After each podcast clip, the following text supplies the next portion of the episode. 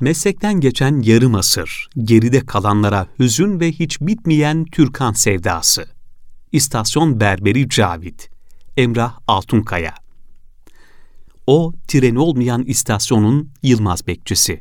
Türk sanat müziğini dillerinden düşürmeyenlerin temsilcisi, Türkan Şoray'ın en koyu hayranı. Beyaz önlüklü, hoş sohbetli biri, Yedi Kule'nin Cavit abisi, Cavit Durukan. Mahallenin eski sakinleri birer birer yarımada dışındaki yeni, modern evlerine taşınırken, 14 yaşında başladığı berberlik mesleğinde 60. yıla merdiven dayamış Cavit abi, bütün bir yedi kulenin derdini dinlediği 8 metrekarelik şirin dükkanında zamana ayak diriyor. Burası yıllar içinde adeta bir fotoğraf sergisine dönüşmüş kimler geldi, kimler geçti diyerek hüzünlendiği dükkanında şimdi Cavit Durukan'ı kendi ağzından dinleyelim. Bize kendinizden bahseder misiniz? Cavit Durukan kimdir? Henüz 3 yaşımdayken annem ve babamla Rumeli'den göçerek Çanakkale'nin Kumkale köyüne gelmişiz. Burada yaklaşık 22 yıl ikamet ettik. Köyümüzün halkı rençberlikle geçinir, çalışkan insanlardır. Köyümüz de güzelliğiyle muteber bir yerdir. Babam berberdi. Ben de 1961 yılında onun yanındayken berberliğe başladım.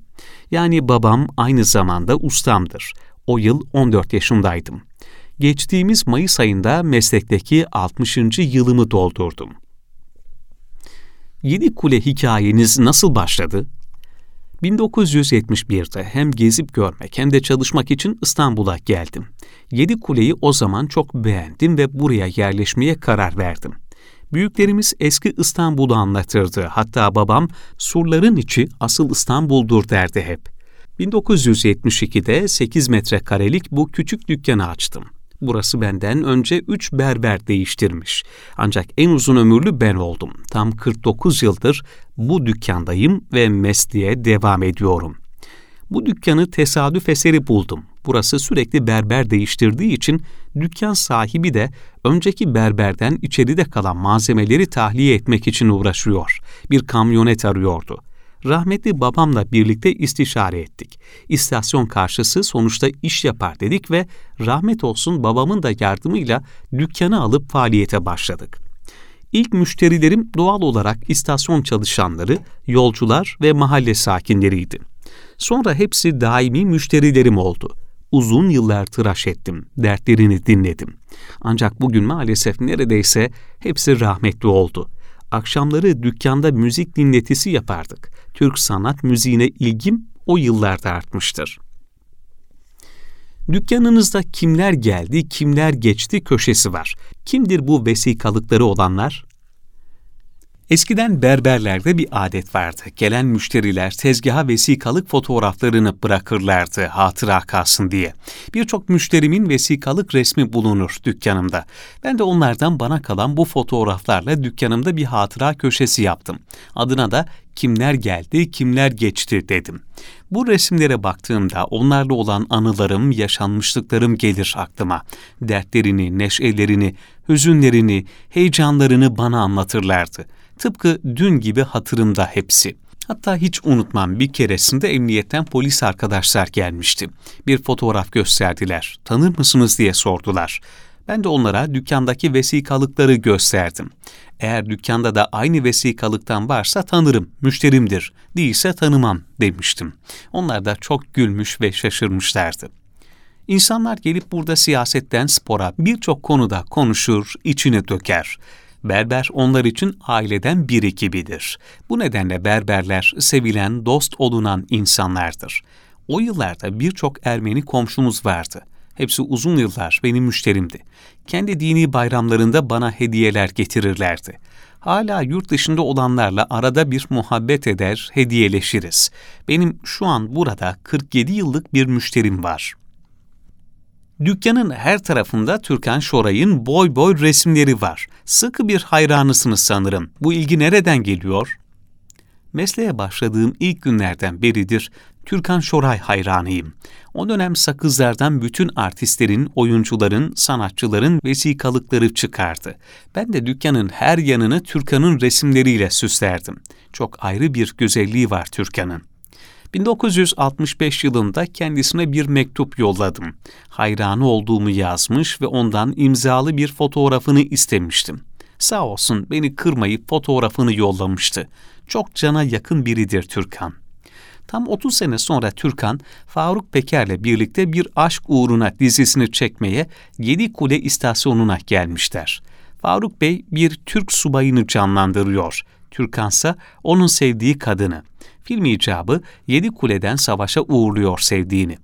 Bana hemen haber uçurdular. Abi senin Türkan istasyona geldi film çekiyor diye. Bunu duyar duymaz çok heyecanlandım. Türkan'ın bana yolladığı fotoğrafla birlikte istasyona gittim, film çekimine.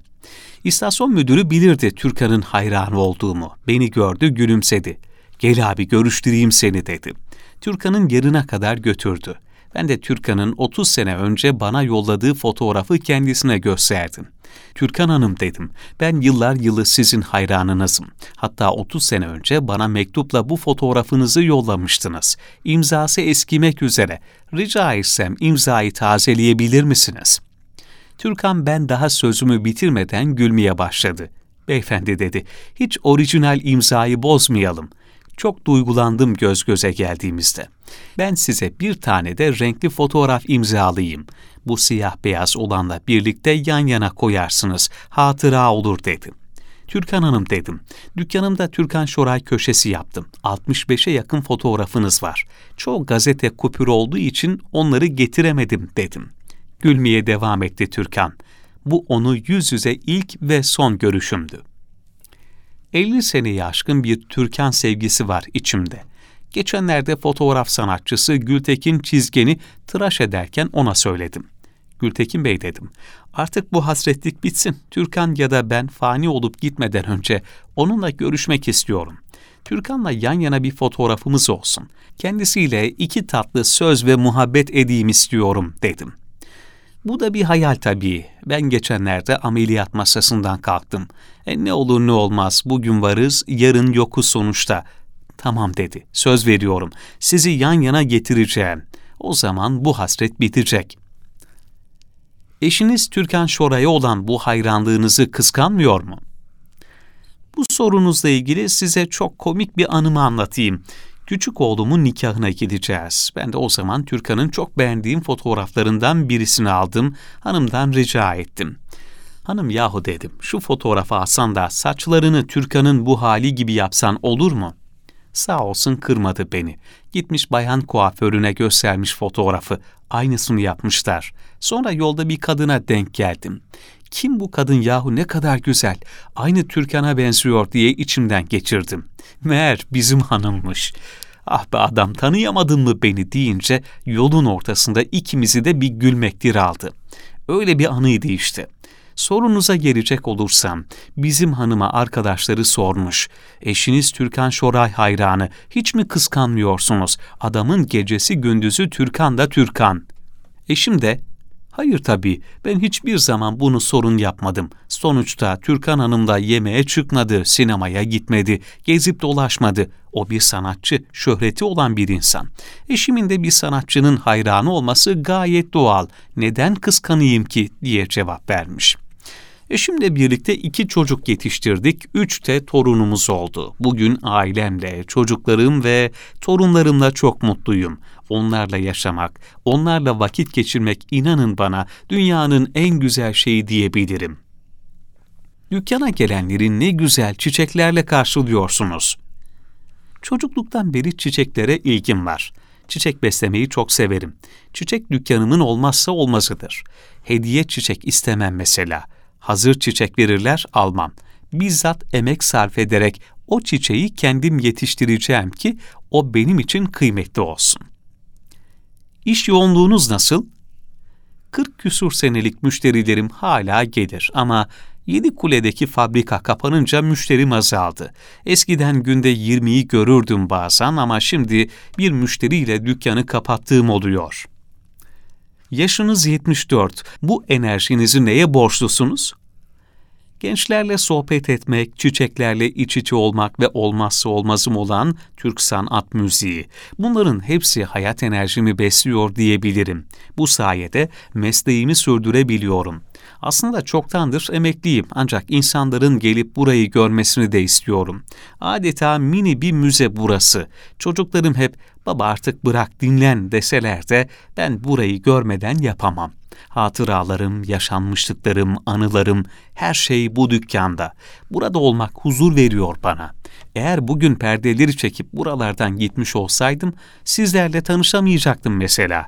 O yüzden evlatlarıma vasiyetim bu dükkanın benden sonra da içindeki hatıralarla beraber aynen kalması ve yaşatılması. Bir zamanlar Cabit abi vardı burada, iyi insandı, muhabbeti hoştu desinler, bana yeter. Gönüllerde hoş bir sada bırakabilirsem ne mutlu bana. Ha birçok dizide, filmde, gazete haberinde yer verdiler bana. Asla ünlü olmak gibi bir dert taşımadım. İnsanlara azıcık nostalji yaşatabiliyorsam o kadarı kafi. Sizce berberlik nasıl bir meslek? Mesleğin geleceğini nasıl görüyorsunuz? 60 senelik berberliğim boyunca mesleği öğrenmek için yanıma gelen bir ya da iki kişi oldu. Bunun dışındakiler mevsimlik çalışmak, harçlığını çıkarmak için gelenlerdi. Aslında insanların geliriyle gayet geçinebilecekleri bir meslek berberlik. Ancak bazı zorlukları da var tabii. Dükkanı bırakıp gidemiyorsun hiçbir yere. Meşakkatli bir iş. Özel günlerde, bayram öncesinde çok yoğun çalışıyorsun artık eskisi gibi değil. Ne zamandır mesleğe meraklı, meslek edinmek isteyen bir genç göremedim maalesef. Eskiye göre şimdiki saç modelleri sizce nasıl? Geçmişteki saç modelleriyle şimdikiler çok farklı. Eskiden asker ve okul tıraşı çok modaydı. Özellikle okul çağındaki çocuklar için alaburus, alabros saç kesimi vardı. Şimdilerde unutuldu. Çok değişik modeller çıktı. Tabii zamane modasına ister istemez ayak uyduruyorsunuz. Şimdilerde berberlere kuaför diyorlar. Siz ne düşünüyorsunuz? Ben berberim ve berber olarak kalacağım.